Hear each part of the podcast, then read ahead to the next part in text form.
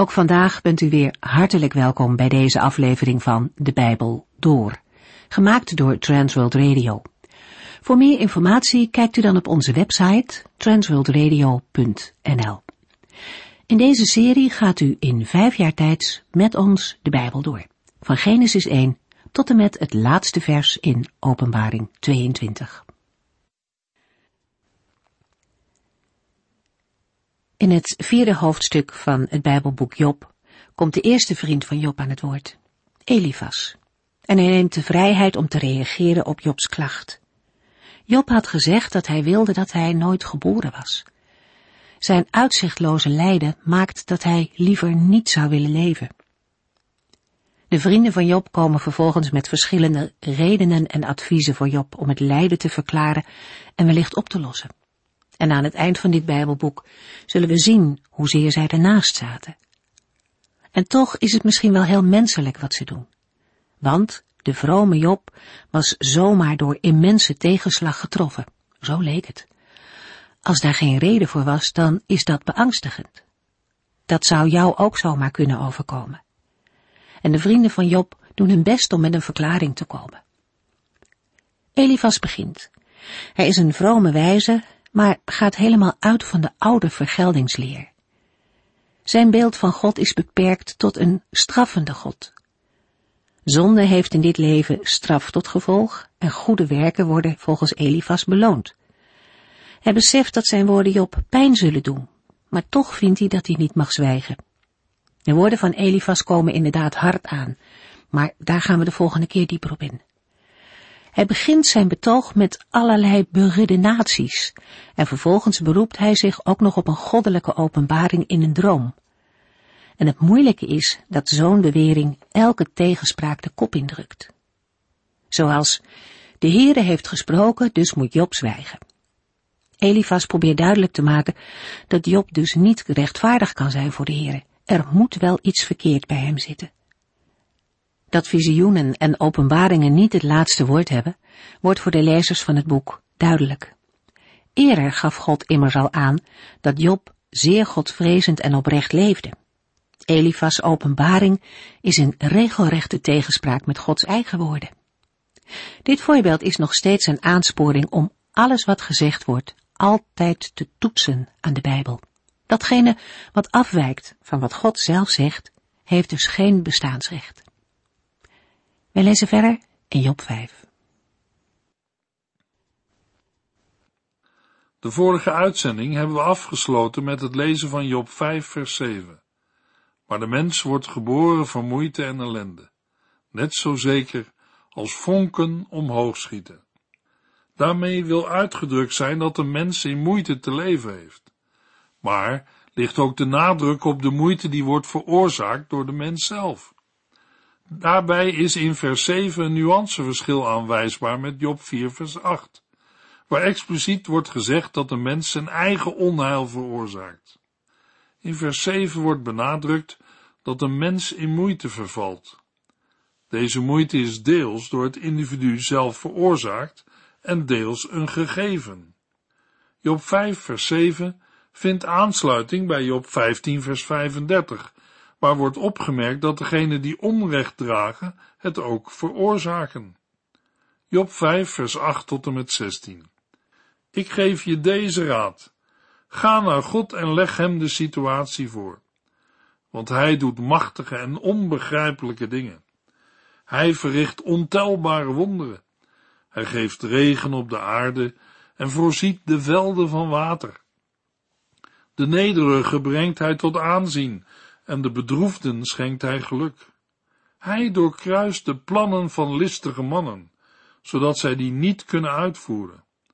God vangt de wijze in hun eigen sluwheid. Hij zet een streep door hun plannen. Als blinden schuifelen zij door het daglicht. Zij zien overdag niet beter dan s'nachts. God bevrijdt de armen uit de greep van deze onderdrukkers met hun kwaadsprekerij. Op die manier krijgen de armen hoop en worden goddelozen de mond gesnoerd. Nadat Elifas Job heeft gecorrigeerd, maakt hij hem duidelijk wat te doen. Als hij in de schoenen van Job stond, zou hij naar God vragen en aan hem zijn zaak voorleggen. In zekere zin grijpt Elifas hier terug op het thema van vers 1, waar aangegeven is dat niemand Job zal antwoorden of bijstaan.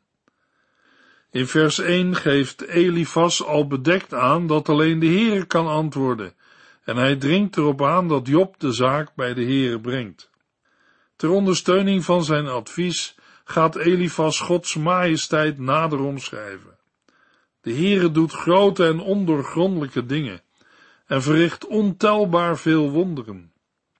De omschrijving in vers 9 vinden we ook terug in het antwoord van Job aan Bildad in Job 9 vers 10. In vers 10 worden vervolgens concrete daden vermeld. De Heere geeft regen op de aarde en laat water over de akkers vloeien. In het Oude Oosten werd regenval ervaren als een van de grootste wonderen. Het belang van regen wordt ook duidelijk in het 18 gebed in de Joodse liturgie, waar het schenken van regen en wind volgt op de vermelding van de opstanding uit de doden. Nadat Elifas heeft gesproken over Gods zorg voor de schepping, geeft hij in vers 11 aan hoe de Heere aandacht heeft voor mensen. De Heere is degene die vernederden verhoogt en bedroefden hulp geeft. De Heere wordt gepresenteerd als degene die schijnbaar vastliggende sociale structuren wijzigt. Dat sluit aan bij de Bijbelse overtuiging dat God door sommigen te vernederen en anderen te verhogen recht doet. Andere voorbeelden van de omkering van de sociale orde zijn te vinden in Job 22, in 1 Samuel 2, in de Psalmen en in Lucas 1. Elifas noemt in de volgende verse concrete voorbeelden. De Heere verbreekt de overleggingen van listige mannen. Hun handen brengen geen succes tot stand en daarom kunnen zij hun plannen niet uitvoeren. Een mens kan allerlei plannen smeden, maar de Heere zorgt ervoor dat de uitvoering wel of niet plaatsvindt. Hij vangt de zogenaamde wijzen met hun eigen sluwheid. De plannen van dergelijke lieden keren zich tegen henzelf. Een voorbeeld van dit laatste vinden we in Psalm 7. Wij kennen de uitdrukking ook. Psalm 7, vers 15 en 16. De zondaar beraamt een slecht plan, werkt het uit tot in alle duistere details, en zo ontstaat leugen en bedrog. Hij valt zelf in de kuil die hij voor een ander groef. De raad van de zogenaamde wijze houdt geen stand. Het eerste deel van vers 13 wordt geciteerd in 1 Corinthians 3 vers 19, waar de tekst in het verband staat van een gedeelte waarin Paulus zich afzet tegen de wijsheid van deze wereld. Het lot van de genoemde wijze van deze wereld wordt nader omschreven in vers 14. Als blinden schuifelen zij door het daglicht. Zij zien overdag niet beter dan s'nachts. Hiermee wordt aangegeven dat niets dat zij ondernemen zal gelukken. Na deze negatieve opsomming volgen in de versen 15 en 16 twee versen over de bevrijding van de armen en onderdrukten. Elifas komt hier terug op de gedachte van vers 8, waar hij Job heeft opgeroepen zijn heil bij God te zoeken. Elifas verklaart dat de Heere de armen redt van de kwaadsprekerij van hun onderdrukkers en uit de hand van de sterken. Blijkbaar wordt de arme beschadigd door woorden en daden van de rijken. Maar door het ingrijpen van de Heer is er hoop voor de armen en wordt de goddeloze de mond gesnoerd. De boodschap is dat de arme recht wordt gedaan wanneer hij zich om hulp tot de Heere begeeft. Elifast geeft hiermee indirect aan dat Job dit ook moet doen, als hij wil dat hem recht wordt gedaan. Job 5 vers 17 Hoe benijdenswaardig is een mens die door God streng wordt opgevoed. Word daarom niet boos als de Almachtige je om je zonde straft. In de versen 17 tot en met 26 besteedt Elifas aandacht aan het nut van beproevingen. Voor het eerst richt Elifas het woord rechtstreeks tot Job, terwijl hij eerder in algemene bewoordingen sprak. De tekst begint met een zaligspreking van de mens, die door de Heere streng wordt opgevoed of gekastijd, en daarom wordt Job aangespoord de straf van de Almachtige niet te verwerpen. Een oud-testamentische zaligspreking komt enkele malen voor in het Bijbelboek Spreuken en 26 maal in de psalmen.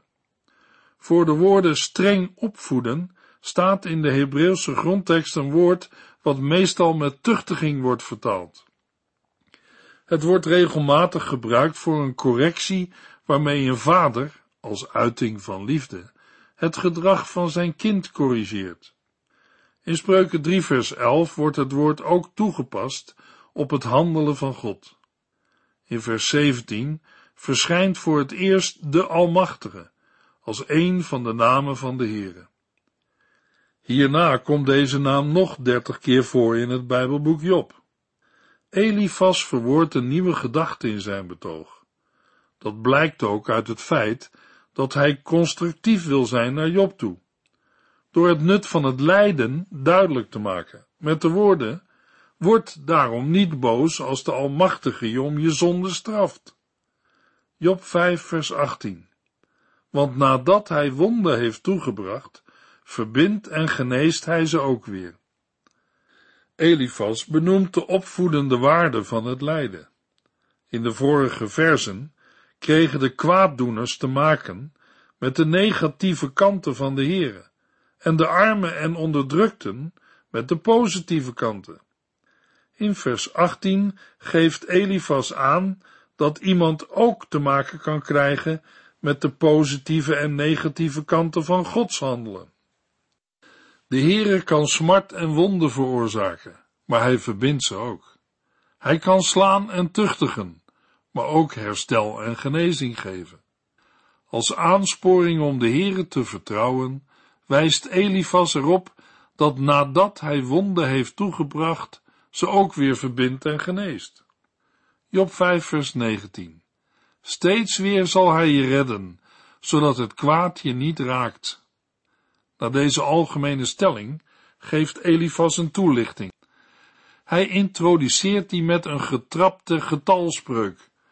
Voor de zinsnede steeds weer zal hij je redden, zodat het kwaad je niet raakt, staat in de Hebreeuwse grondtekst, in zes noden zal de Heere verlossen, en in de zevende zal het kwaad Job niet treffen. Het is een uitdrukking die vaker voorkomt in het Oude Testament en in het Oude Oosten. Met het aantal van zes of zeven wordt een afgerond geheel aangeduid, wat niet hoeft te betekenen dat er ook daadwerkelijk zeven rampen worden bedoeld. Job 5, vers 20 en 21. Hij zal je beschermen voor de dood in tijden van honger en redden uit de macht van het zwaard in tijden van oorlog. Van kwaadsprekerij zul je niets te vrezen hebben. Voor geweld hoef je niet bang te zijn. Elifas vermeldt Gods reddend ingrijpen in tijden van honger en oorlog, waarin de Heere reddend ingrijpt en Job verlost van de dood. Job zal geborgen zijn voor de geesel van de tong van kwaadsprekerij. We zullen hierbij moeten denken aan bescherming tegen vormen van laster. De beschutting van de Heere hiertegen is dat God er altijd voor zorgt dat de waarheid boven tafel komt en dat onrecht wordt bestraft. Job 5 vers 22 Je zult lachen om oorlogsgeweld en hongersnood. Voor wilde dieren van de aarde hoef je niet bang te zijn. Voor de woorden oorlogsgeweld en hongersnood staat in het Hebreeuws verwoesting. Wie door de Heer wordt beschermd, hoeft niet bang te zijn dat verwoesting over hem komt.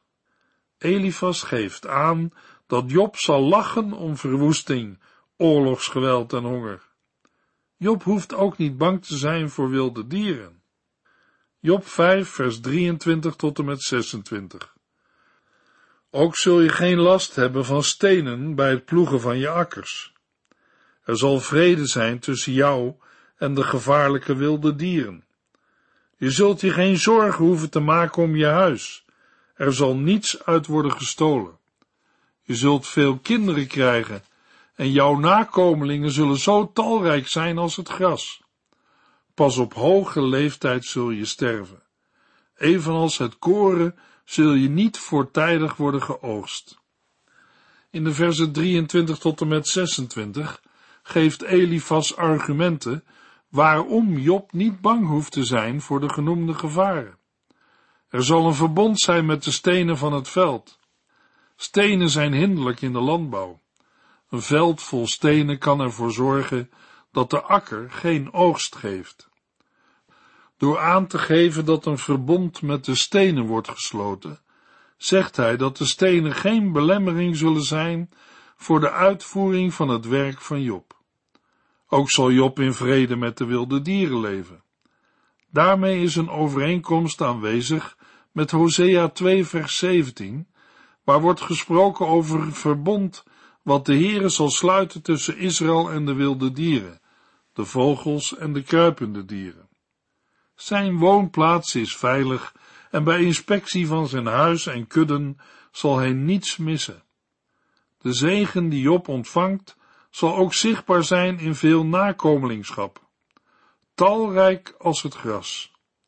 De grondslag aan dit beeld ligt het belang voor een oosterling van een groot gezin en familie. De woorden van Elifas maken duidelijk dat hij hier alle tact en fijngevoeligheid laat varen, omdat kort geleden alle kinderen van Job zijn gestorven. De beschrijving van de zegeningen voor de mens die de Heere zoekt, loopt uit in de beschrijving van het levenseinde. Op zichzelf genomen is de dood niet goed en een straf op de zonde. Maar in vers 26 lazen we, pas op hoge leeftijd zul je sterven. Evenals het koren zul je niet voortijdig worden geoogst. Daarmee wordt een vorm van sterven bedoeld die positief kan worden gewaardeerd. Een lang leven wordt geschonken aan mensen die een wijs leven leiden. Een voortijdige dood geldt als een vloek en daarmee als teken van goddelijke afkeuring. Job 5, vers 27. Uit ervaring weet ik dat dit allemaal waar is. Luister naar mijn raad. Het is voor je eigen bestwil. De twee hoofdstukken met woorden van Elifas worden afgesloten met een oproep aan Job. Elifas deelt mee dat dit zijn bevindingen zijn en dat deze juist en waar zijn. Ook sprekend namens zijn vrienden roept hij Job op te luisteren en de woorden ter harte te nemen. De opmerkingen die Elifas heeft gemaakt zijn op zichzelf genomen vaak waar en passen in het kader van het Bijbelse wijsheidsdenken. Maar de houding van Elifas is problematisch vanwege de ongevoeligheid waarmee hij zijn uitspraken doet. Hij begint met een passende stilte, gaat over tot kritiek en presenteert vervolgens voorbeelden van godsdienstige logica, waarbij hij zich ook nog eens op een openbaring beroept, om daarmee een eind te maken aan alle tegenspraak. Daarnaast is er bij Elifas ook sprake van arrogantie, als hij verklaart dat hij zich wel tot de Heere zou wenden, alsof Job dit niet heeft gedaan.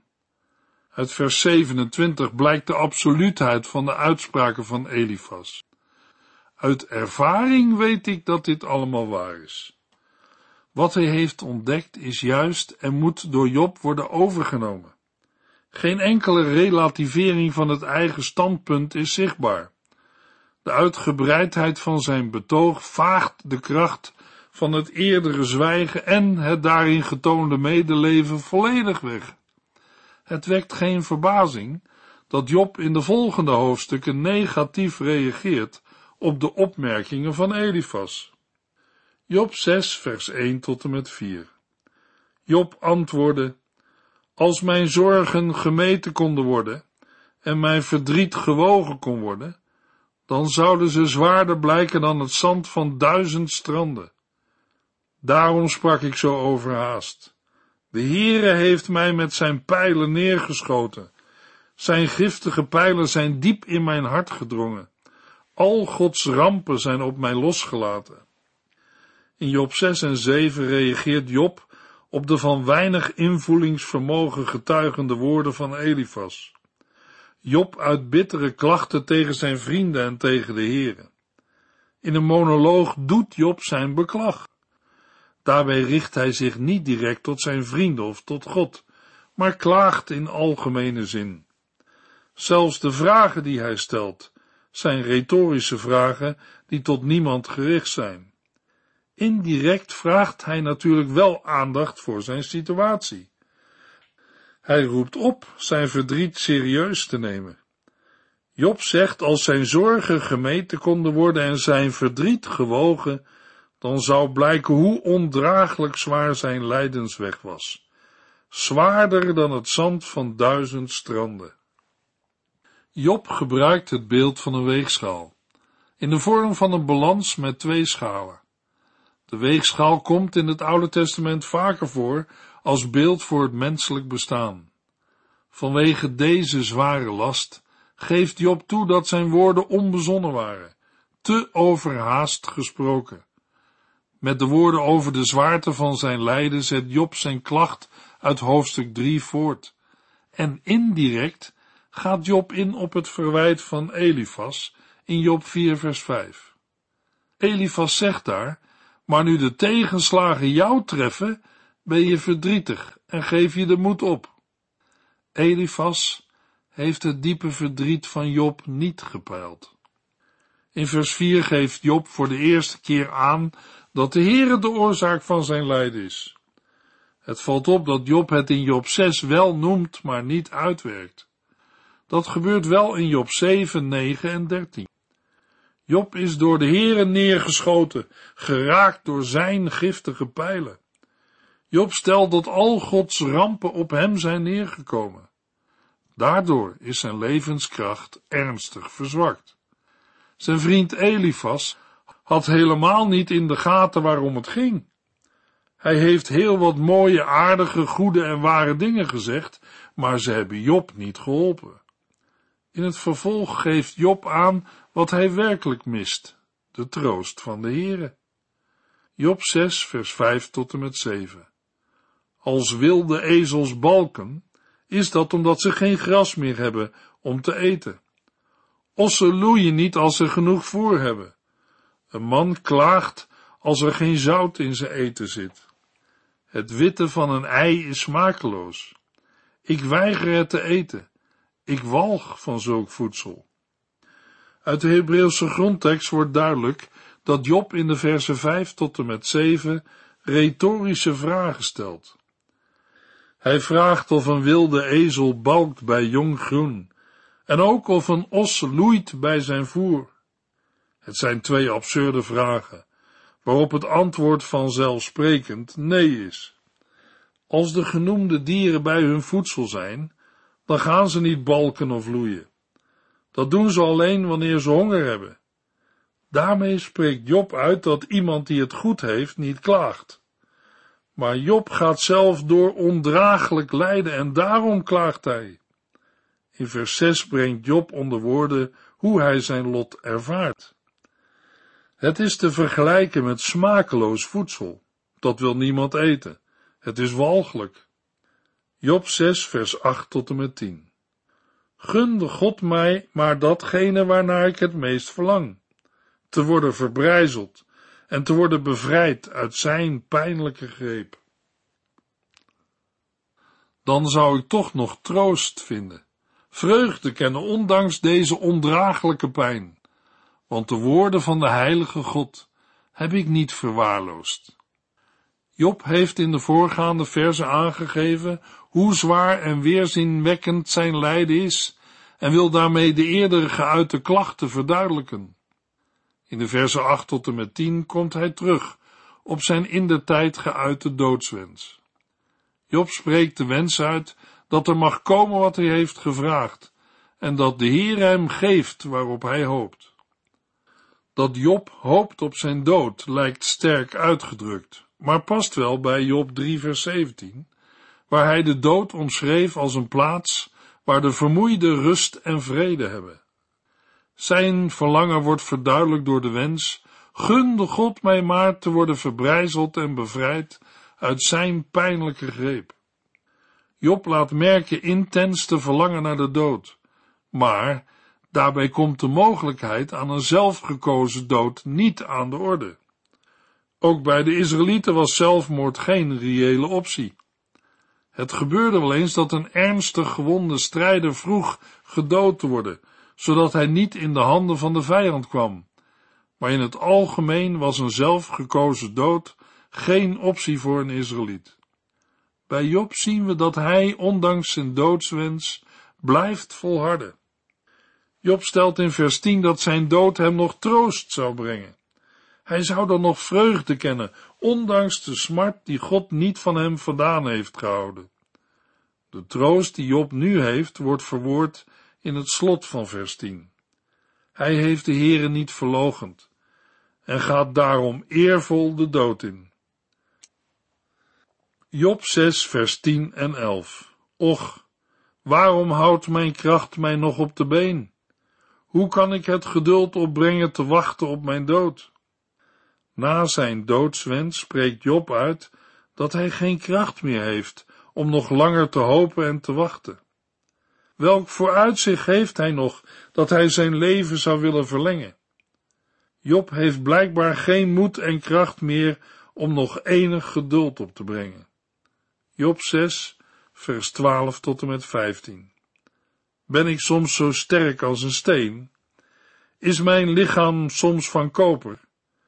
Ik ben echt volkomen hulpeloos en heb geen enkele hoop meer. Wie geen medelijden heeft met een vriend die lijdt, toont geen ontzag voor de Almachtige. Mijn broeders zijn net zo onbetrouwbaar als een beek, waarna in vers 16 en 17 nog volgen, die stijgt als er ijs en sneeuw liggen, maar verdroogt wanneer het heet wordt.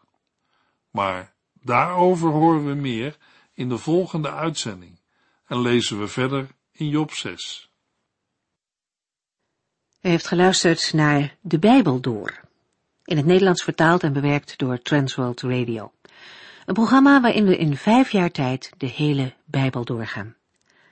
Als u wilt reageren op deze uitzending of u heeft vragen, dan kunt u contact met ons opnemen. Tijdens kantooruren kunt u bellen op 0342 47 8432 0342 47 8432. Ook kunt u een e-mail sturen naar de en natuurlijk kunt u ook via de post ons bereiken. TWR, postbus 371, postcode 3770, AJ in Barneveld. Dit programma werd gepresenteerd door Cor Weda en Ike André. Techniek was in handen van Odin van Voerkom. En wij allemaal bedanken u voor het luisteren. Graag tot de volgende keer.